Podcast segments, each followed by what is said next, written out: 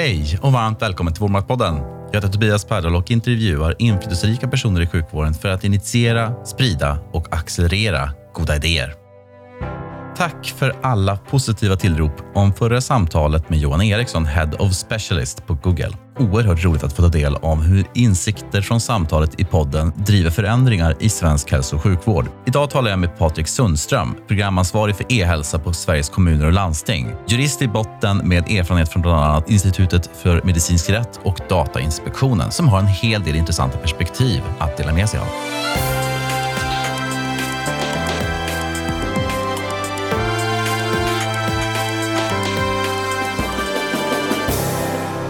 Idag talar vi om Boden versus Luleå, om sjukvårdsjuridiska insikter kring de legala utmaningarna för hälso och sjukvårdsorganisationer, om behovet av ökad penetration av hård och mjukvara för breddinförande av digitala lösningar i sjukvården, om hur rådande lagar inte är utformade utifrån ett patientperspektiv där de mest utsatta är de som drabbas värst. Vi talar även om behovet av att ändra sjukvårdens ersättningsmodeller och arbetssätt från grunden. Ja, och mycket annat såklart. Varmt välkommen till Vårdmaktpodden, Patrik Sundström. Tack så mycket. Kul att vara här. Gassande sol ute. Nalkas det semester snart för dig? Ja, men inte riktigt ännu. Man får liksom hänga i en dryg månad till. Efter Almedalen så får man liksom lägga sig i kuvösen en stund eh, och vila upp sig inför hösten. Det är korrekt. Mm. Samma, samma för mig. Eh, hur eh, planerar du sommaren? Åker ni upp till Norrbotten någonting? Nej, men vi gör inte det. Vi skickar upp eh, kidsen nu eh, en vecka. Jag märkte att ändå päronen vill hellre träffa dem eh, än sina egna barn. Så de får åka upp en vecka och så sen får vi ner dem igen. Så det blir så det blir. Och sen, eh, min morsa fyller 70 så vi drar i ett lite större gäng i familjen också. Är tre, fyra dagar i ett hus utanför Rom. Det ska bli jättemysigt. Det låter underbart. Ja, härligt. Du, du är programansvarig för e-hälsa på SKL. Det stämmer. Vill du berätta, vad gör du eller vad har du för ansvar eh, för de som inte känner till vad du gör? Det där brukar ju vara så här skitsvårt att beskriva. Det är samma sak för barnen när de frågar vad man gör. Och vi har en, det är en av medarbetarna som har en skylt utanför sin dörr som, där det står på något sätt att mitt jobb är så hemligt så att, det, så att inte ens jag vet vad jag gör. Ibland kan man nästan känna så. Nej, men skämt åsido. Men jag har ett ansvar att egentligen samordna alla våra frågor om digitalisering i hälso och sjukvården och socialtjänsten. Så egentligen både för kommun och landstingsräkning. Eh, och har haft den rollen nu i eh, om det är fyra och ett halvt år någonting. Eh, så. Organisatoriskt så tillhör jag en avdelning som heter avdelningen för digitalisering, men egentligen alla som jobbar med de här frågorna jobbar på vår vård och omsorgsavdelning. Det har varit ett sätt liksom att försöka transformera och driva de här frågorna till att bli liksom reguljära verksamhetsfrågor. Eh, så det innebär att de flesta som jobbar med digitalisering, de jobbar egentligen då med, ja, med traditionellt stöd till verksamhetsutveckling inom hälso och sjukvården. Sen har jag Eh, ett, under mig ett antal medarbetare som jobbar inom särskilda projekt eller utvecklingssatsningar eh, och så vidare. Men den reguljära linjeverksamheten kan man säga, den görs eh, på vård och omsorgsavdelningen. Så att jag svävar kan man säga mellan de två olika avdelningarna. Det är jättemycket resa, eh, mest ute i landet. Eh, hade igår en fantastisk dag i Jönköping och fick vara med på deras traditionella konferens Utvecklingskraft. Fick vara där och prata. Men framför allt få jättemycket nya intryck och massa energi påfylld av eh, både de eh, chefer och ledare som eh, var där och hade föredrag och så vidare, men också av alla som var där i publiken som verkligen bidrog på ett fantastiskt sätt. Så att, eh, en eller ett par gånger i veckan nästan så är jag ute i antingen kommuner eller landsting och gör den typen av saker och det ger mig otroligt mycket energi. Um du har lyssnat på podden tidigare, i alla fall några suddar av uh, podden. Absolut. Är det något samtal där eller något, um, någon episod som du tycker har varit extra intressant? Nej, men jag tycker det finns jättemycket intressant i det jag har lyssnat på. Uh, det var flera intressanta passager. Jag hörde lite grann från när du pratade med Emma här för inte jättelänge sedan, Emma Spak. Även Anders Ekholm och Anders Lönnberg är ju två personer som är bra på att surra och har mycket vettigt att säga också. Um, sen lyssnade jag lite grann på Eriksson i efternamn. Johan Eriksson. som jag också tyckte hade jättebra budskap och verkligen satte ljuset på frågor som känns otroligt viktiga liksom för våra förutsättningar att vidareutveckla offentlig sektor. Så det var också intressant att höra någon som kom in med lite andra perspektiv på de här frågorna. Eh, vad roligt att, att du, eh, du tyckte det. Det är syftet med podden. Du, eh, jag tänkte på det. Det finns ju en schism mellan Boden och Luleå lite grann. Ja, verkligen. Kommer du ihåg det när vi ja. växte upp också? Ja, men det kommer man ihåg. Verkligen. Det, var, det gick liksom inte att hålla på Luleå Hockey, även fast man egentligen ville. Så mitt lag fick bli Björklöven då, ja. i Västerbotten. Just det. Och ni är bättre på fotboll än vad vi är i Luleå. Ja, men lite så. Va? Jag är gammal fotbollsspelare och höll på i många år. Eh, men när jag kom upp till A-laget i Boden, det första året, jag kanske var 17 år, då var vi i division 4 och då var Luleå i division 1. Så det var några tunga år innan jag tog mig från Boden. jag förstår det. Spelar du fotboll fortfarande? Nej, nu spelar jag lite grann med barnen bara. Men jag skulle vilja, men jag vågar inte riktigt. Jag har sett några grannar som har börjat så i veteranlaget, men sen har fått något benbrott och lite sånt. Och, eh, och då, då drar jag mig för det. Men jag är egentligen jättesugen, för jag saknar det som tusan. Hur kommer det sig att du blev vald att bli jurist? Det där är en bra fråga. Jag har funderat själv. Alltså jag har egentligen inget klockrent svar. Jag visste att jag ville eh, göra någonting eh, seriöst. Jag hade bra betyg eh, så med mig. och visste att jag ville jobba med samhällsfrågor på något sätt, men inte riktigt vad. Och, eh, när jag började titta där, satt liksom i pojkrummet i Boden och bläddrade i de här katalogerna och försökte ta reda på vad man kunde göra, så såg jag att det var en otroligt bred utbildning och det som lockade mig då, det var att man, eh, jag började läsa Umeå och att man hade börjat med en slags pedagogik som hette problembaserad inlärning eller någonting. Va? Eh, så att man skulle inte sitta och rabbla en massa lagtext utan mera eh, lära sig verktyg som man behöver för att analysera, lösa problem och sånt. Va? Och det gick jag igång på väldigt mycket. Sen så jobbade du några år på IMRAB. Det stämmer. Mm. Och jag har faktiskt gått kurser där. Väldigt lärorikt. Vad gjorde du där? Ja, men det var en jättekul tid. Det, var, det, här var samtidigt som jag spelade fotboll då i Enköping och vi låg i division 1 och verkligen kämpade för att nå upp till allsvenskan. Och, eh, jag hade inte tid att jobba heltid. Eh, och då var det egentligen eh, min mamma som hade gått också där på massa kurser och tyckte att Ulf Fröberg som eh, då har den här lådan, Institutet för medicinsk rätt, var en sån trevlig och kunnig prick. Så att hon tussade ihop oss.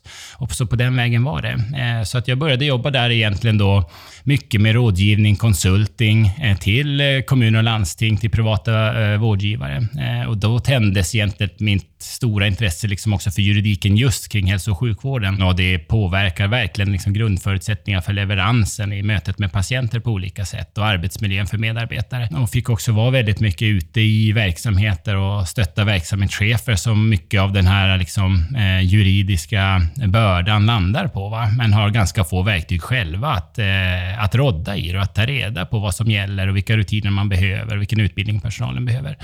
Så att för mig var det en jättebra inskolning.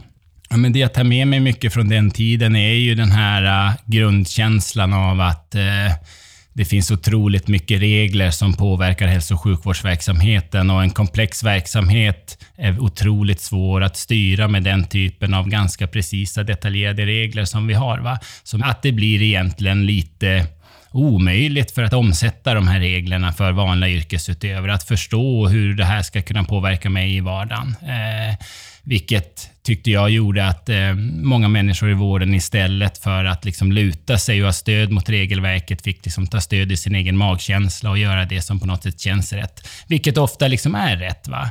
Eh, men att juridiken då inte var det vägledande stödet som det egentligen skulle kunna vara. Mm, sen gick du vidare och jobbade på Datainspektionen. Just det, det stämmer. Jag antar att det är en del spännande fall man får ta hand om där. Nej men det är det ju absolut. Och jag brukar säga det eh, då sen när jag har gått över och jobbat för kommun och landsting, att det är inte alltid det första man ska säga i mötet med kommun och landsting, att man kommer nyss från Datainspektionen. Nej men det var också otroligt spännande. Det var egentligen Ja, jag tror att det var i mitten 2005, 2006 någonting kanske som jag började där och eh, digitaliseringen började ta fart och jag började själv förstå att just integritetsfrågorna kommer bli otroligt viktiga framåt på olika sätt och vis eh, i takt med den ökade digitaliseringen i samhället och ville, ville liksom förkovra mig lite grann kring det. Eh, och jag jobbade kanske fyra, fem år, fem år kanske blev där med egentligen uteslutande frågor kopplat till hälso och sjukvård, socialtjänst, utbildning och forskning. Och det som förde mig hit till Sveriges kommuner och landsting, det var att jag ledde en stor tillsynsaktivitet mot nationella kvalitetsregister i hälso och sjukvården. Ehm, och hittade ju förstås en massa brister liksom i efterlevnaden av patientdatalagen där och det fick mycket rabalder och det var till och med så att ett antal kvalitetsregister mer eller mindre låg lite grann under hotet att få stänga ner ett tag innan man hade rättat upp eh, sina brister.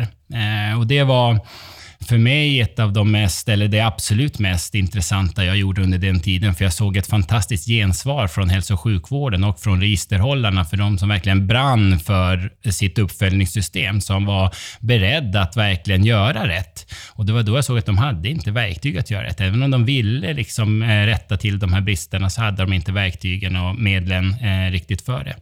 Eh, så det var egentligen grunden varför jag, fick, eh, eller varför jag gick hit till SKL. Att eh, från början så jobbade jag just med att stötta registren att egentligen då rätta till det som jag i min tidigare roll hade vaskat fram. Har du annars som, som privatperson eller anhörig en relation till, till sjukvården? Jag har ju, alltså på ett sätt tycker jag ju att jag har vuxit upp i sjukvården. I Boden var det ju så att antingen så jobbade man i militären eller så eh, jobbade man i sjukvården. Och mamma hon jobbade, tror jag, typ 48 år på kirurgen i Norrbotten eh, innan hon eh, tog pension. Hon har jobbat med liksom, administrativt i alla sina år. Eh, så att det var det eh, egentligen vi satt och snackade om hemma vid matbordet. Det var jättemycket sjukvården och det var ju det är verkligen en hatkärlek om jag ska vara helt öppen och ärlig eh, under de samtalen. Och eh, jag tyckte det var så otroligt fascinerande det här de här dubbla sidorna, av, eller olika sidorna av myntet som mamma kom och berättade om. Ehm, å ena sidan den här fantastiska lojaliteten mot landstinget. Hur hon gick upp kvart över fyra på morgnarna och stack eh, till jobbet skittidigt fast det är kolsvart och kom hem ganska sent fast man hade två små barn hemma och så vidare. Så den, att man liksom gjorde sådana saker för landstinget. Och å andra sidan att man då såg att medarbetare kanske inte hade riktigt de förutsättningarna som man skulle tycka skulle ge det gensvaret i lojalitet och så vidare. Så de sakerna tyckte jag var fascinerande. Du har fyra kids också? Ja, de är mellan 8 och 12. Vi lever varannan vecka med sex eh, pers i huset och full rulle och nästa veckan med bara på två. Vad är det för vecka nu? Nu är det vecka med barnen, så att snart eh, efter vårt samtal så ska vi hem och förhoppningsvis typ springa till Kyrksjön bredvid oss som en sån här liten pöl som blir sjukt varm på ytan även i maj-juni. Du, eh, har du varit pappaledig? Absolut. Jag har varit pappaledig med, eh, med, med båda barnen. Eh, första gången med den äldsta var ju då 2006 som jag, jag var pappaledig. Ja, om det var sex sju månader ungefär, ungefär lika länge med andra. Det var en fantastisk tid. Det var så jädra kul, verkligen. Vad är du mest stolt över att ha åstadkommit? Alltså, som någon form av centralbyråkrat som man är får man ju vara ganska kreativ för att fira sina framgångar. Det är ganska långa, ganska långa utvecklingscykler egentligen. Men jag gläds av det lilla i vardagen. Eh, så. Ja, men det är ju lite politiskt och vi är politiskt styrd organisation och vi har ju inga patienter eh, på det sättet utan det är ju bara kommuner, landsting och privata utförare som, som har det. Så att det är ju när vi lyckas till exempel skapa samsyn eller överenskommelser. Det är mycket av den typen av grundläggande arbete. Eller mobilisera kraft för att vi ska utvecklas i en viss riktning. Det är ju kring sånt som man får egentligen fira sina framgångar. Eller när vi har lyckats påverka staten, till exempel i lagstiftningsfrågor eller annat där vi ser, där vi har lyckats tillvarata de intressena som kommuner och landsting har. Jobbar du mycket? Ja, men det gör jag. Jag jobbar mycket och är sådär... Jag tycker att det är så jävla kul, så det är därför. Och det är väl så när man jobbar mycket. Men jag tar den tiden eh, som, som kommer till mig att jobba. Jag jobbar liksom inte 7 till 5, utan det blir ju ja, de stunder på dygnet när det är möjlighet. Så att, eh, jag går ofta upp och smygjobbar lite grann innan familjen har vaknat och man tar ett andra arbetspass när barnen har lagt sig och lite sådana saker. Så att, äh, men det gör jag nog. Okej, okay, vi går in på lite sjukvårdens utmaningar här. Utifrån ditt perspektiv som programansvarig för eh, e-hälsa på SKL, vilka fundamentala utmaningar ser du för sjukvården just nu? Vi har ju rätt många utmaningar eh, som jag ser det. En är ju liksom någon form av latent effektiviseringsutmaning som vi har, eh, där vi Egentligen kan man säga att vi har inte ändrat våra, våra arbetssätt i hälso och sjukvården på ganska många år, utan jobbar ju nästan som vi gjort sedan urminnes tider. Vi hade en period på 90-talet när vi tog rätt stora kliv med polikliniseringen och ny medicinteknisk utrustning och så vidare, men vi har egentligen inte fortsatt på den banan. Så vi får inte riktigt ut det vi borde kunna få ut av våra resurser, alltså egentligen våra, våra medarbetare. Och vi har många medarbetare som också vittnar om att det är alldeles för liten del av deras arbetsdag där de upplever att de får jobba på toppen av sin kompetens. Eh, vilket också tyder på att vi har ett eh, effektiviserings och organiseringsproblem. Det är, det är den ena delen. Den andra utmaningen är ju hela liksom systemet, hur det är designat. Jag tänker att varje system är ju perfekt designat för att, stå, för att åstadkomma precis det man åstadkommer. Eh, och nu är vi i en period när vi faktiskt måste designa om systemet, tänker jag. Vi, vi förstår att ungefär hälften av oss har kroniska sjukdomar och konsumerar upp till 85 procent av hälso och sjukvårdens resurser. Och ändå brottas vi med ett system som egentligen är väldigt bra designat efter sällanbesökare och inte efter människor som lever med en livslång relation till sin hälsa och till sin hälso och sjukvårdsaktör. Så det är liksom den andra delen. Och Sen har vi förstås den demografiska utvecklingen som just späder på både den eh, effektivitetsproblematiken och eh, eh, designproblematiken på det sättet att vi ser ju att demografin gör att vi nu ställs inför prövningar som vi egentligen inte har gjort under våra livstider. Eh, där andelen äldre ökar i så otroligt mycket större omfattning än antalet yrkesverksamma. Eh, samtidigt ska vi säga att vi pratar ju säkert alldeles för lite om hur otroligt positivt det är att vi fördubblar antalet människor som lever längre än 85 år de kommande 15 åren och borde ju ha en sån diskussion hur vi kan se till att, eh, att det är värdeskapande för välfärden att människor lever så länge. Men som sagt, det innebär att vi blir Eh, det är väldigt många färre som kommer att behöva tillgodose behoven eh, hos väldigt många fler. Eh, en fjärde utmaning som vi också egentligen har hela tiden, tänker jag, den handlar om människors förväntningar. Och här ser vi ju hur urbanisering, globalisering och framförallt digitalisering har eh, medfört helt nya krav på våra verksamheter. Och jag tänker att det är viktigt för oss att förstå att särskilt unga generationer, de jämför nog inte oss längre sådär att man jämför den här vårdcentralen med den eller det sjukhuset med den, utan min bästa upplevelse någonstans, var som helst i världen, i vilken sektor som helst, det blir mitt krav och förväntan, även på hälso och sjukvården. Va?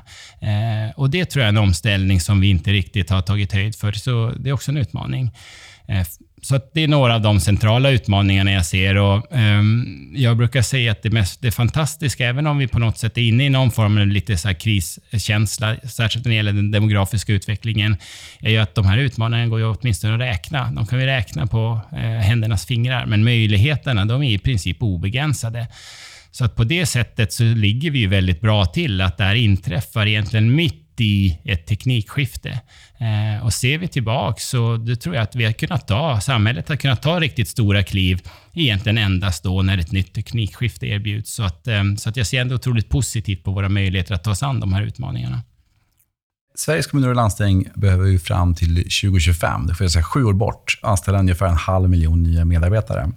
Och I flera landsting just nu, så precis som du är inne på, kompetensförsörjningen är ju svår eh, och negativ till och med. Hur tänker du att man ska lyckas med det? Du pratar om teknikskiftet här. Men jag tänker att oavsett teknikskiftet så kommer vi behöva anställa väldigt många nya människor.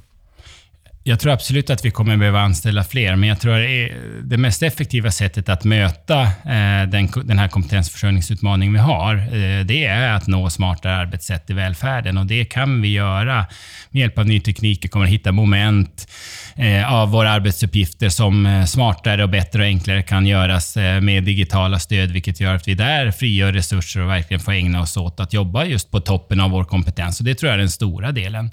Sen tycker jag eh, den är jättesvår, hela kompetensförsörjningsfrågan, för att veta vilka, vilka är de kompetenser vi ska satsa på. Ehm, det är inte säkert bara för att vi idag har brist inom vissa, till exempel specialiteter, att det är de som vi behöver flest av framåt. Alltså, jag ser ju ingen framgångsrik organisation i världen som har lyckats transformera sig och helt behållit sin ursprungliga kompetensprofil bland medarbetare, utan man har ju fått hitta nya eh, kompetenser som kan vara med på den här förändringsresan. Eh, så det tror jag också. Jag har inte alla svar där, men jag tror att det finns eh, eh, absolut skäl för oss att titta på mm, ingenjörer, logistiker, mera beteendevetare, specifik IT-kompetens också.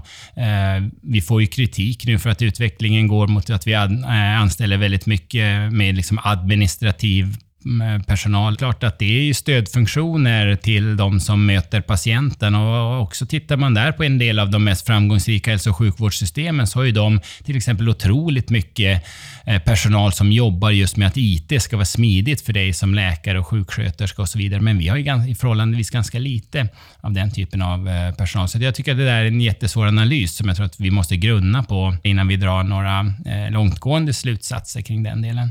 Skatteverket har gjort en stor resa. Ehm, ja. Jag, tycker det var kul, jag tycker det är kul att deklarera, för det är så smidigt. Ja, nej, men det är sjukt uh, bra. Och det går fort. Ja. Uh, nej, men jag tänker på det att du nämner de här, att det finns nya sätt att med tekniken som hävstång möjliggöra smarta sätt att arbeta. Har ni identifierat var de här teknikmöjligheterna framförallt har som störst impact? Jag tror personligen, eh, det är egentligen orimligt att vi ska behöva gå till vårdcentralen för att få ett kvitto på, på mitt hälsotillstånd när det finns en uppsjö av stöd som gör att jag kan ha koll på mina vitala parametrar och förstå vad som funkar just för mig och inte funkar. Och se när mitt hälsoläge eh, sviktar och få ett kunskapsstöd att själv kunna agera. Där tror jag det finns en jättepotential förstås att stötta människor, inte minst med kroniska sjukdomar. Eh, och jag tror att det är en stor självständighetsfråga att känna att man har den makten och tryggheten. Eh, den andra delen som jag tror ur ett samhällsperspektiv på lång sikt är ju hela hälsodelen givet att vi idag lägger eh, 85 procent av resurserna på kroniska sjukdomar som vi vet delvis är förebyggbara så har vi ju en stor potential förstås att rikta eh, hälsopolitiken eller att göra den mer individinriktad så den hjälper just eh, dig och mig. Det tror jag har en jättepotential. Andra områden är förstås det som vi redan gör i hälso och sjukvården, det jag ser jättespännande exempel nu. Eh, många landsting testar AI i vissa delar. Intressanta piloter, men det vi har en utmaning är att få liksom breddinförande på dem. Men alltså just olika sätt att vara närvarande i människors vardag, alltså att vara ett stöd, att monitorera våra kroniker eh, på distans på olika sätt. Det går ju inom, vare sig det är astma, KOL eller något annat eh, område. Och vi behöver egentligen ingen särskilt avancerad teknik, utan eh, vi kan ge KOL-patienter tillgång till en eh, digital våg och en läsplatta med ett fysiskt träningsprogram, en PEF-mätare och en blodtrycksmanschett eh, som gör att jag som individ kan öka kunskapen varje dag ha koll på mitt hälsoläge. Och någon på distans kan också se hur mina värden ser och direkt gå in och stötta mig om man ser att det börjar svikta åt något håll istället för att det ska utvecklas någon exacerbation om man blir åka in på sjukhuset och så vidare igen. Så den typen av saker, att på något sätt eh, frigöra tid så att hälso och sjukvården får jobba med de här andra, mer empatiska delarna. Det, det slog mig när jag var, blev chef på akutkliniken där på Karolinska att um mina trippelspecialister, disputerade docenter som jag var ansvarig för, de har ingen smartphone i jobbet. De mm. jobbar inte med digitala kalendrar eller så. Vilket man började med för 20 år sedan i ja, näringslivet. Diskuterar ni någonting om det, just att få ut penetrationen av teknik? Nej, men absolut. Eh, absolut. Alltså, det är en av de centrala frågorna. Att det, vi ser att glappet mellan hur smidigt vi alla agerar digitalt i våra privatliv och den vardag som eh, våra medarbetare ställs inför när man kommer till jobbet. Det glappet är alldeles för stort. Va? Eh, och Det finns ju flera perspektiv på den frågan. Dels så tror vi att Ehm, att vi behöver höja den digitala standarden för att kunna vara fortsatt attraktiva arbetsgivare i sektorn förstås. Att eh, kunna visa unga människor att här kommer man faktiskt in i en högteknologisk bransch, som ju faktiskt hälso och sjukvården är till stor del, men inte när det kommer till informationshantering och kunskaps, eh, de kunskapsbärande delarna kanske. Och jag tänker någonstans sådana här enkla saker som att, att kunna vara närvarande i de digitala kanalerna där bästa tillgängliga kunskap skapas. Alltså jag tror inte att det är i Lancet som vi kommer att ha bästa tillgängliga kunskap längre längre, utan jag tror att det kommer vara i de här digitala kanalerna där människor med samma livssituation eller sjukdomsbild möts från olika delar av världen och delar erfarenheter med varandra och man får reda på att ja, men det är där i den delen av världen som den här kliniska prövningen verkar ge ett bra utfall. Ska vi inte testa det och så vidare? Ja, då måste ju våra medarbetare dels ha ett verktyg för att kunna nå de här kanalerna, men sen måste man ha ett uppdrag att vara där och lyssna för att ta reda på vad som funkar för människor och sen utrymme att på sin arbetsplats kunna diskutera hur ska vi kunna omsätta sätt den här typen av kunskap som vi hämtar där. Så jag tror fortfarande att vi har en sån otroligt outforskad resurs i internet. Eh, men då måste vi ju kunna nå internet på ett intuitivt och enkelt sätt och då kommer ju telefoner eller plattor eller vad det nu kan vara behöva finnas i var man och kvinnas hand i hälso och sjukvården. Eh, och jag tror att vi kommer få se en ökning av investeringar de kommande åren, inte minst relaterat till de stora upphandlingarna som landstingen gör av nya vårdinformationsmiljöer som kommer att föra med sig också mycket krav på ny form av utrustning, inte bara eh, mjukvara. Så jag tror att det är där. Eh, och Jag tycker också att det är otroligt spännande att se det som händer i, vad ska man säga, på, det, på näringslivssidan i healthtech-sektorn där vi kanske går hade, vi hade 100 miljoner investeringar 2015, 200-300 miljoner 2016 och så är vi uppe i 1,8 miljarder 2017. Va? Så det finns en enorm kraft snart att hämta ur näringslivet när man har fått sina lösningar på plats och har någonting att erbjuda kommuner och landsting. Och då måste vi vara redo att kunna ta emot dem och ha de verktygen och den utrustningen som krävs för att kunna köra de här apparna eller vad det nu kan vara för saker. En annan sån aspekt eh, som vet att du eh, kan en hel del om. Politiken har ju drivit fram ett eh, fritt vårdval och en fri etablering i primärvården. Men juridiken medger inte riktigt att informationen får flöda eh, lika smidigt mellan offentliga och privata vårdgivare, eh, och sjukhus för den delen, som den får mellan de offentliga eh, sinsemellan. Vad är dina tankar om det? Som jurist också. ja, nej men, nej men, absolut. Jag har jobbat med de här frågorna länge och jag tycker verkligen att, eh, att, eh, att politiken i viss mån har abdikerat för den här typen av frågor och hänvisat dem till, eh, till juristerna att lösa. Och jag menar att den här typen av frågor handlar ju ofta om balansen mellan nyttan av någonting och riskerna för någonting. Och balansen mellan nyttan av ökad hälsa och till exempel risk för integritetsintrång, det är ingen juridisk fråga utan det är en politisk politisk fråga om vilket samhälle vi vill ha.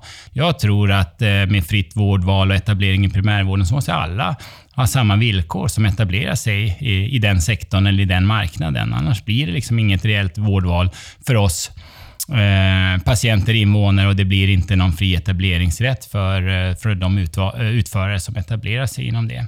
Eh, och Jag tror också att det här eh, är någonting som vi som invånare inte känner till. Vi har inte kunskap om. Eh, och Jag tror inte alla gånger att det är någonting som vi eh, bryr oss om. Om det är landstinget som driver en vårdcentral eller om det är en privat utförare. Utan man har ett behov kopplat till sin hälsa som man vill på något sätt eh, få stöd i. Och förväntar sig förstås att den informationen som behövs, den ska kunna färdas alldeles oavsett om jag har valt någon, någon privat vårdgivare på vägen i min, eh, i min resa.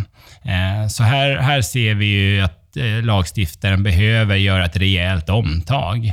Alltså att eh, det är regering och riksdag som behöver ta de här eh, kliven och skapa Eh, grundförutsättningar och jag tror att nu har vi en utveckling till exempel mot en nära vård. Eh, ska det överhuvudtaget kunna lyckas med en sån typ av omställning så måste man få reella möjligheter att hantera information på ett sätt som också stödjer en nära vård och som inte som idag låser in information i organisatoriska boxar och så vidare, utan som kan vara tillgängliga för det team som jobbar nära eh, kanske de mest vårdtunga patienterna. Och det kan vara ett team som Eh, består av människor som har sin anställning både i kommun och i landsting och i socialtjänsten, i hälso och sjukvården, men kanske även Försäkringskassa, Arbetsförmedling, ibland kriminalvård och så vidare.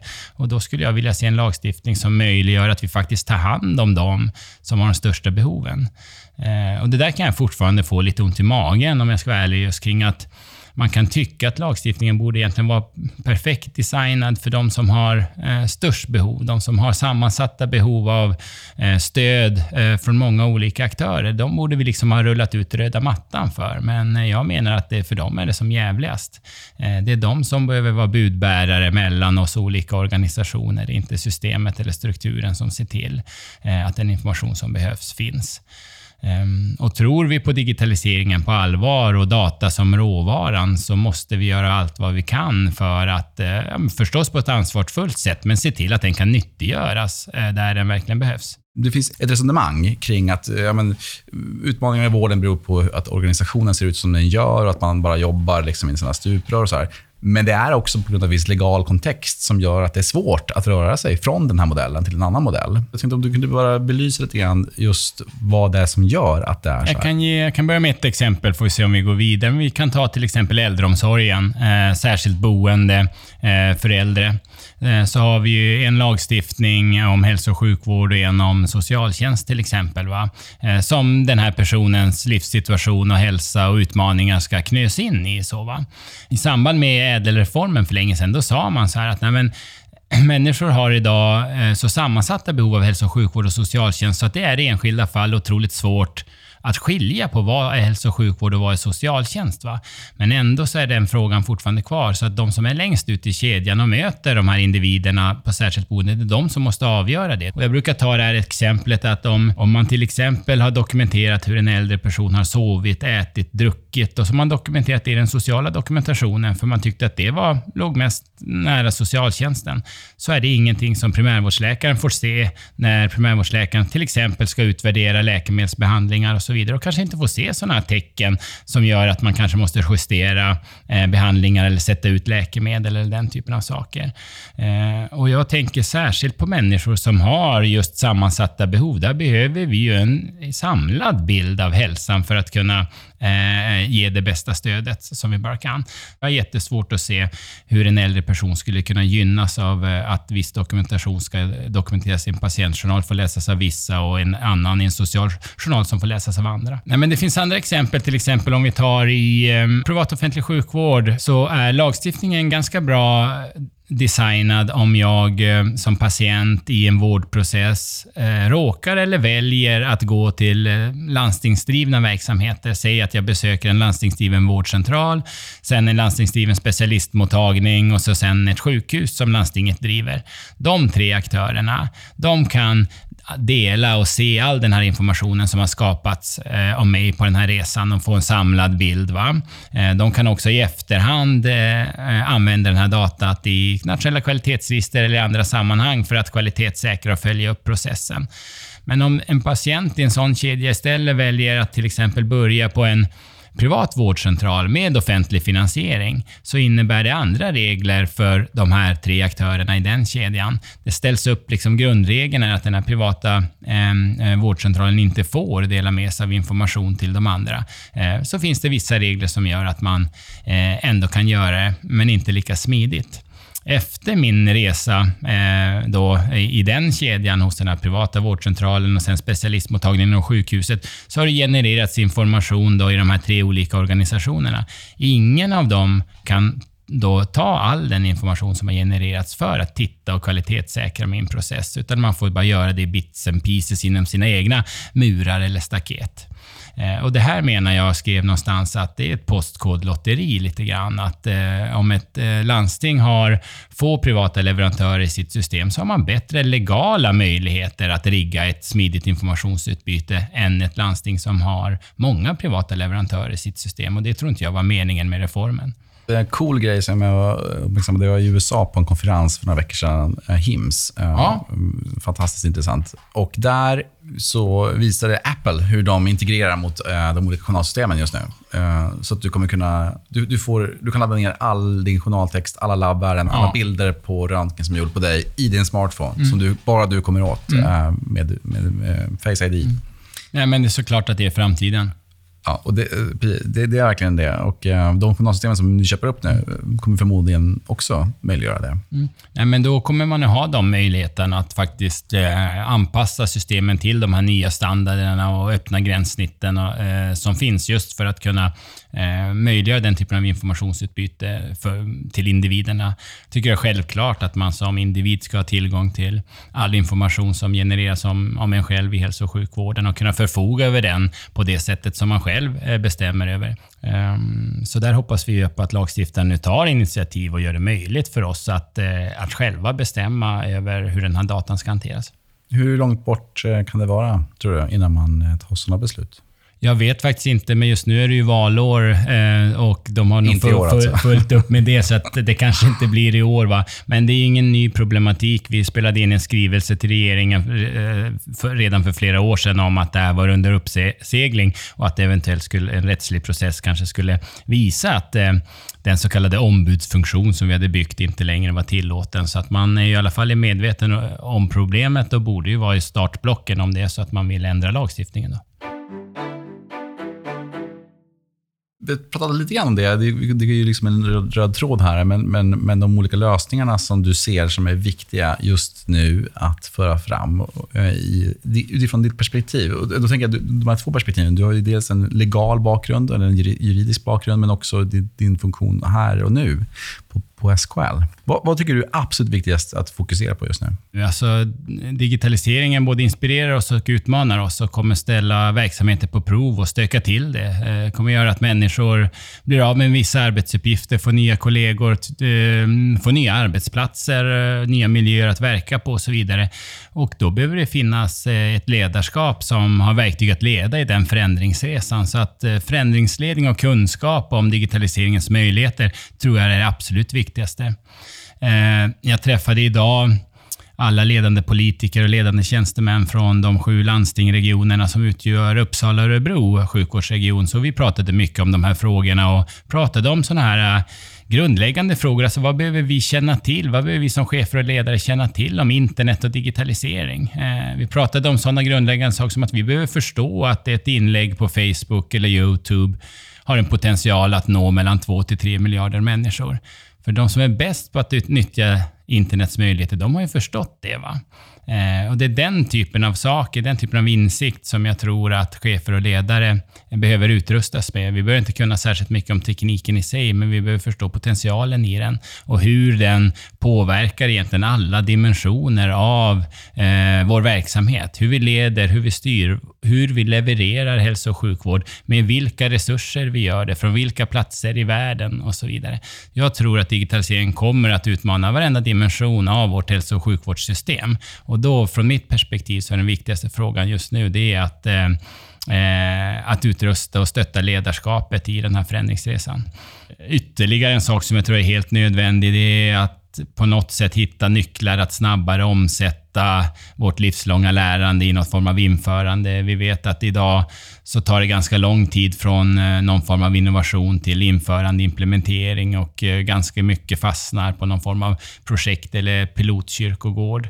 Det finns några olika saker man kan göra. Eh, förstås en sak som jag tror är alldeles liksom essentiell, det är att eh, tydliggöra en process. Alltså hur ser vår process ut? Om det här projektet faller väl ut, vad är vårt nästa steg? Va? Eh, att se det här som inte är nice to have, utan som need to have. Eh, att det är där vi eh, faktiskt lägger våra utvecklingsresurser. Eh, det tror jag är en viktig del. En annan viktig del, det, det tror jag handlar om att tydliggöra vilka krav man måste leva upp till för att en lösning ska bli framgångsrik och kunna skruvas in i svensk hälso och sjukvård.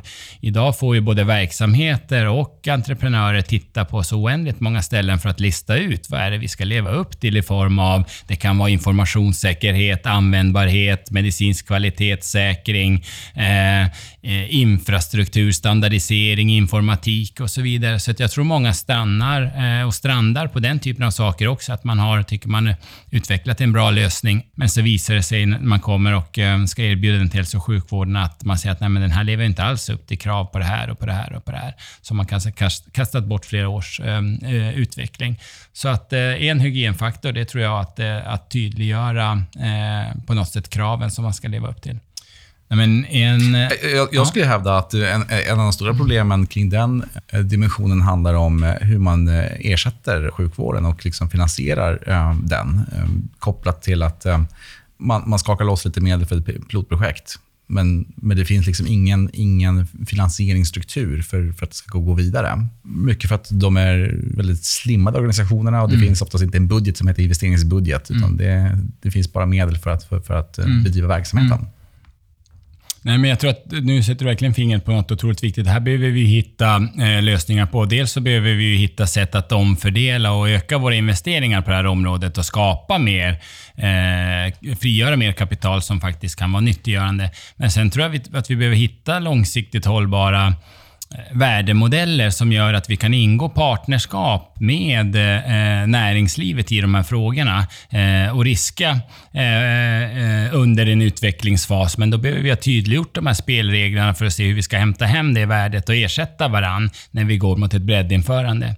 Jag tror en, en annan del som är otroligt viktig är det är att ha koll på liksom det interna business-caset. Jag tycker många entreprenörer gör en fantastisk resa och kan visa upp för ehm, eh, offentlig verksamhet att ja, men vi har ett jättebra business case här. Vi ser att det, eh, och vi har referenscase. Det är bra för medarbetare, det är bra för patienter, det frigör tid, det ökar hälsa och så vidare. Men ändå så får man ingen affär, tycker man.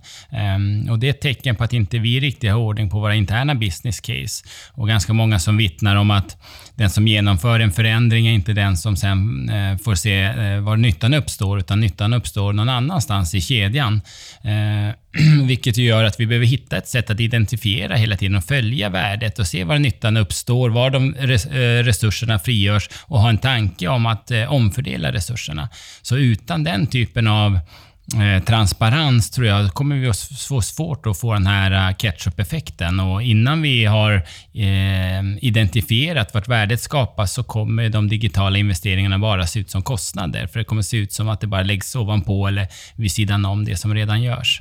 Annat kan vara kring upphandling som jag hör att många av våra medlemmar vittnar om att man tycker är svårt och stökigt och inte underlättar den här typen av partnerskap med eh, just med näringslivet. Att man har utvecklat något tillsammans, eh, tillsammans få ett bra resultat, men sen att man upplever sig tvingas ut i eh, en upphandling eh, efter det som stökar till processen.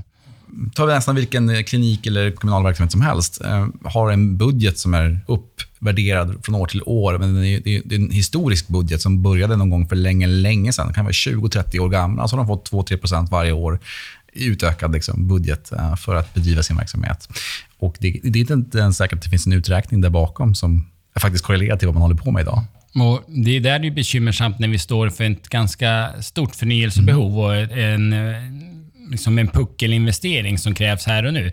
Och Ett sätt som jag tror det är att vi behöver ifrågasätta sånt som vi idag, utan att tänka så särskilt mycket på, lägger rätt mycket pengar på. Alltså vi investerar ganska mycket till exempel i fastigheter och samtidigt så vet vi att vi kommer att bedriva hälso och sjukvård på helt nya sätt, i helt nya miljöer och så vidare. Och fastighetsinvestering den binder oss ju under många år. Va? Det är en del. Men sen att hitta former för att skapa en större andel utvecklingsbudget, alltså någon form av investeringsfond där som kan vara smörjmedlet i den här puckelinvesteringen. Som förhoppningsvis ska eh, återbetala sig sen förstås i takt med att de här lösningarna införs och eh, eh resurserna och nyttorna frigörs. Så om du var sjukvårdsminister för en dag och hade möjlighet att verkligen påverka lagstiftning, sig, vad skulle du göra då?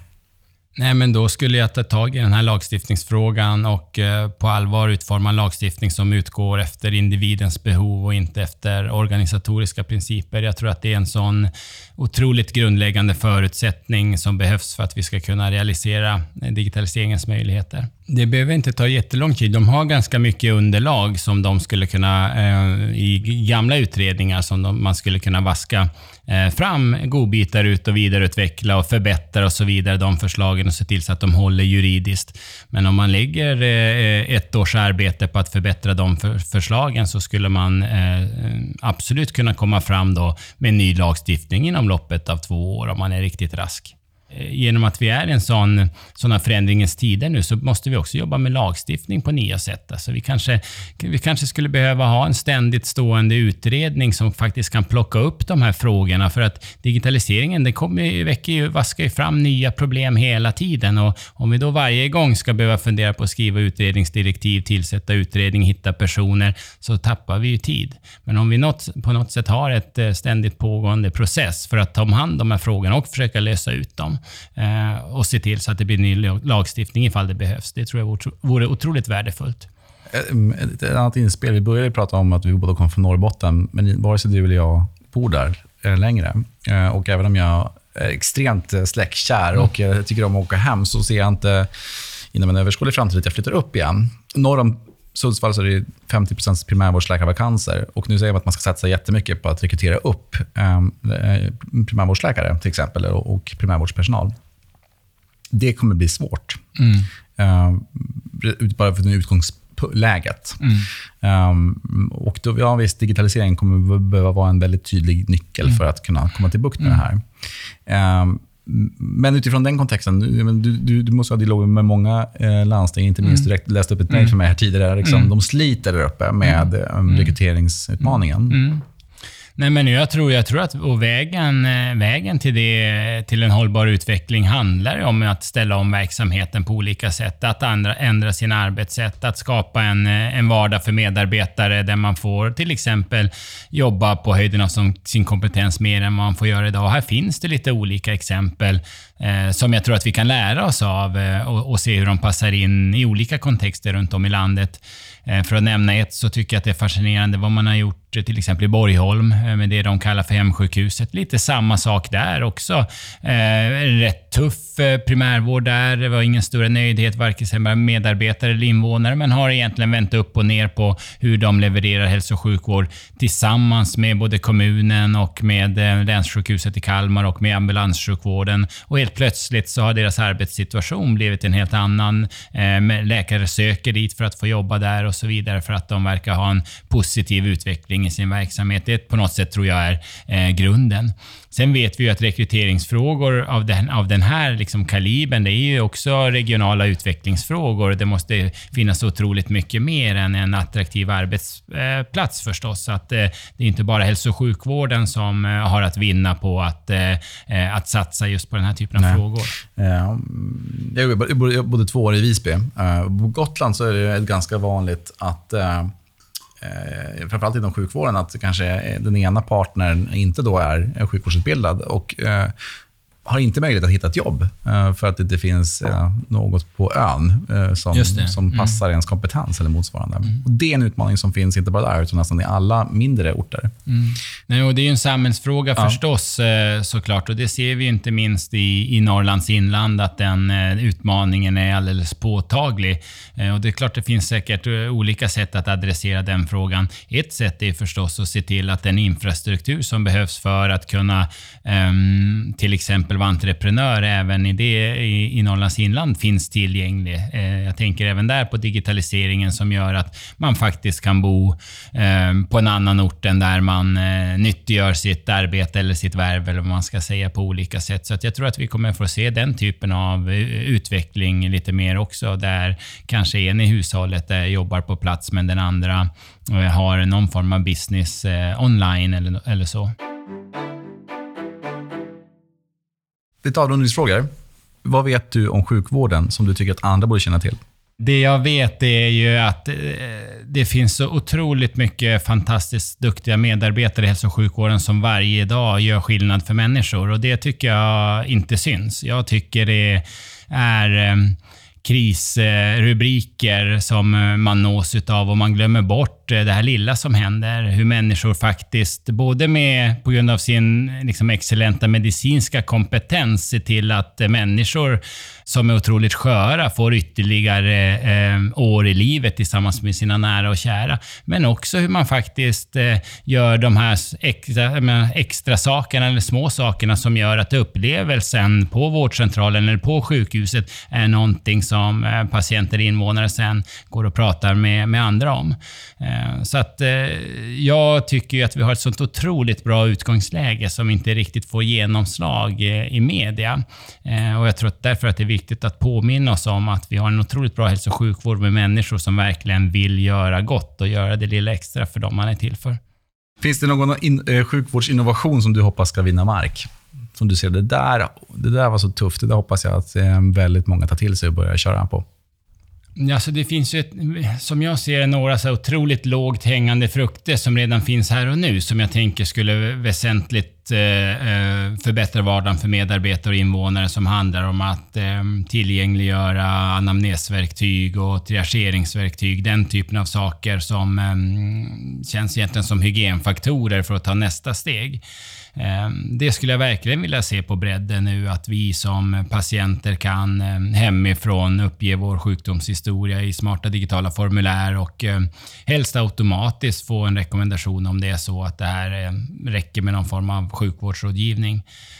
Men sen att vi i ett digitalt flöde kan guidas vidare i systemet, vare sig det landar i ett fysiskt besök någonstans i specialist eller primärvård eller om det landar i ett digitalt besök. Så det är två typer av saker som jag tror att um, att det skulle vara otroligt värdefullt för att också avlasta primärvården och att göra eh, så att mötet med patienten fylls av tid som känns mer värdeskapande. Eh, vi ser till exempel idag att undersökningar som visar att upp till 60 procent av besöket ägnas åt anamnesupptagningen och eh, kan vi när vi startar mötet redan ha ett underlag att utgå ifrån så torde det vara eh, bättre både för ehm, läkaren i det här fallet och för patienten.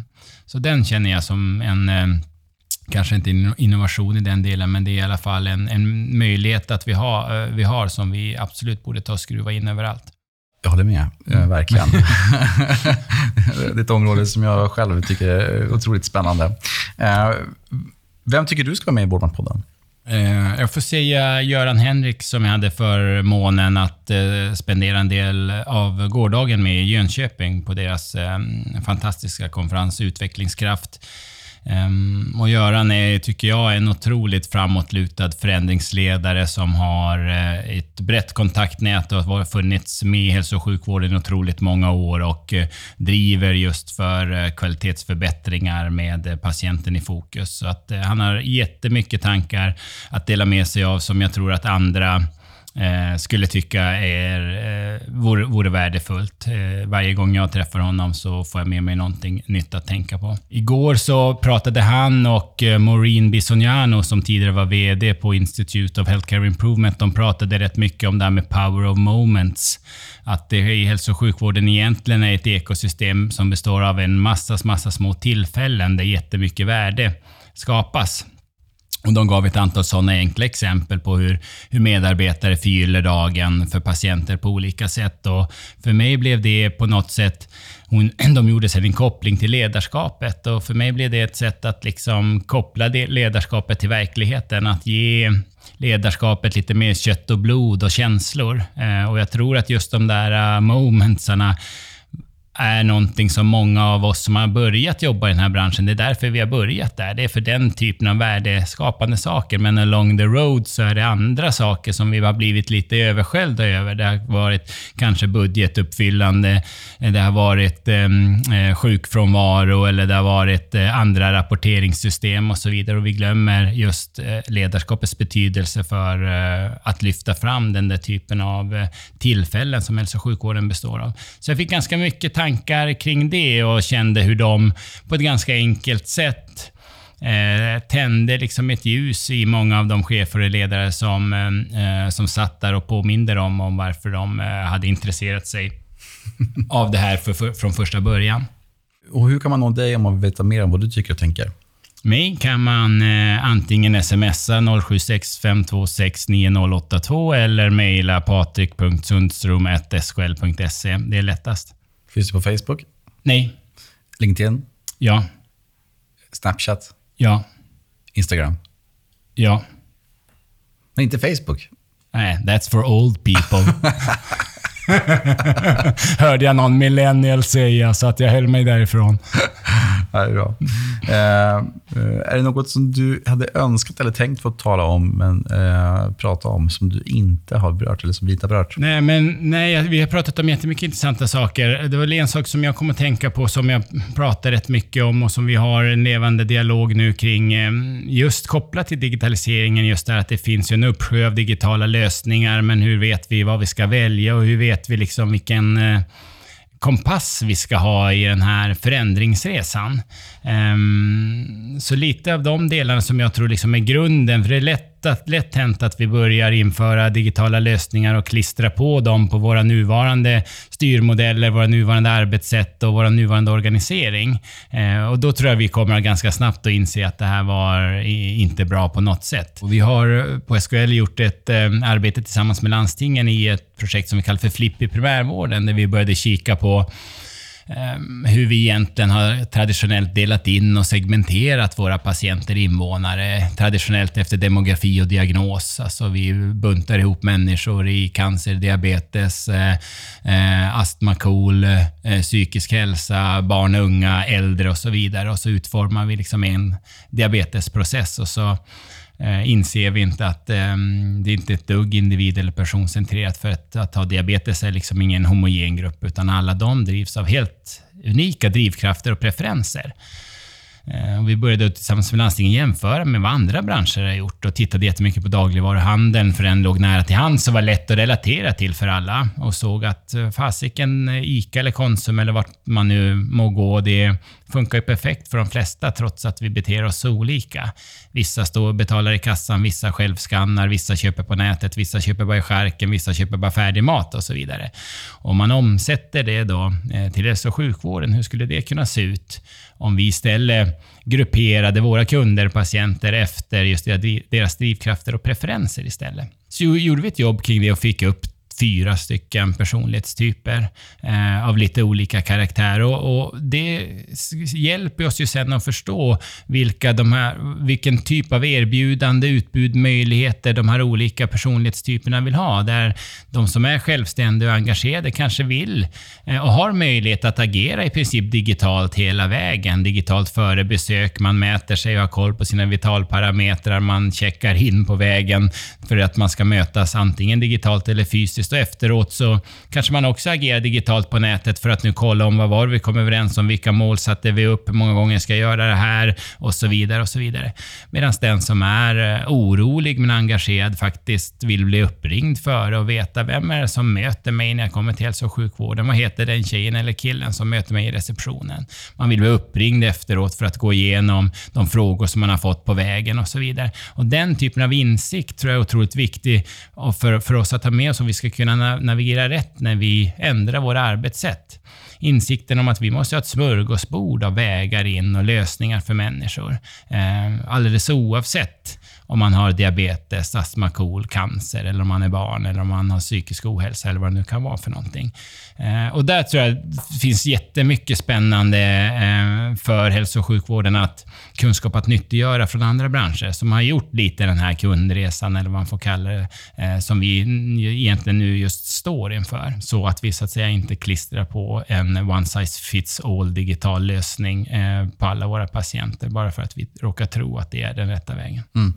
Jag tänkte att du tar upp det. Jag hade en, en otroligt spännande diskussion med en, en eh, framgångsrik marknads, en, eh, eh, konsult och marknadschef, för detta marknadschef som sa det att eh, det är helt galet att vi inte eh, har tänkt i de här banorna eh, för länge, länge sedan. Ja. Därför att det vet man inom näringslivet att om du inte har koll på kundsegmenten, då är du ja. rökt. Ja, nej, men precis. Därför att då kommer du aldrig lyckas mm. med att nå ut med dina produkter mm. liksom, eller tjänster. Mm. Um, och Det är samma sak med utmaningen i sjukvården. Vad är det som gör att vissa patienter inte tar sina mediciner? Eller ja tar dem eller um, följer upp eller möter mm. upp. Um, det, det, som du säger, det är ett one size fits all-mentalitet. Uh, uh, när du var hos din läkare mm. senast, mm. fick, du en, fick du ens en, en patientinformation med dig hem?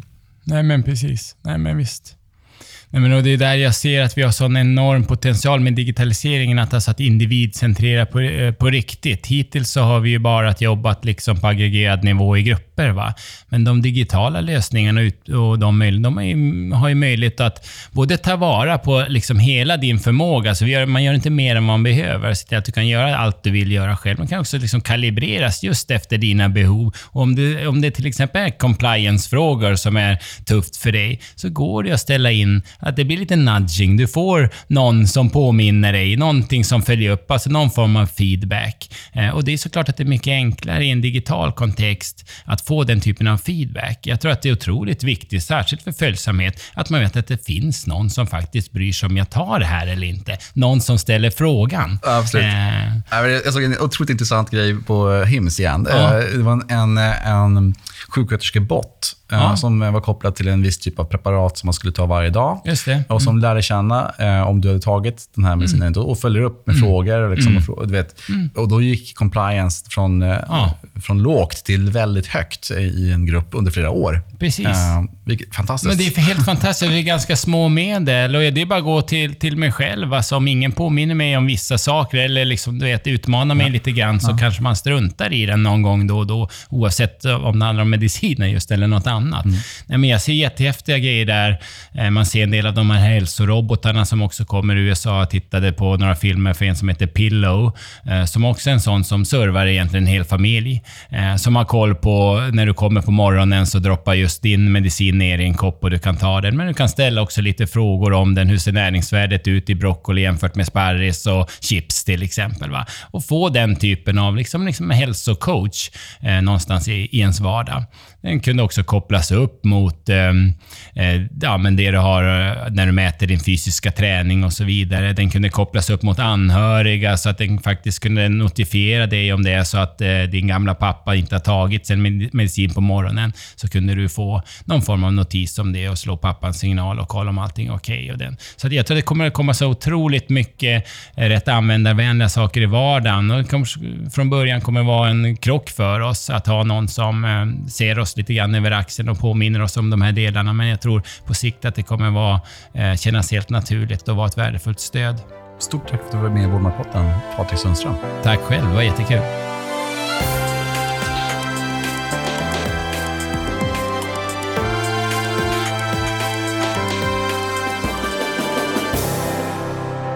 Jag hoppas att du liksom jag finner samtalet med Patrik Sundström intressant och inspirerande. Så dela gärna med dig om vad du tycker och tänker på Dagens Medicin, Vårdmatpoddens Facebook-sida, på Twitter eller LinkedIn. I nästa avsnitt så talar jag med Anna Nergård, regeringens utredare för samordnad utveckling för god och nära vård. Och jag hoppas du vill lyssna på oss, för det börjar med ett samtal. Sen är det upp till dig och mig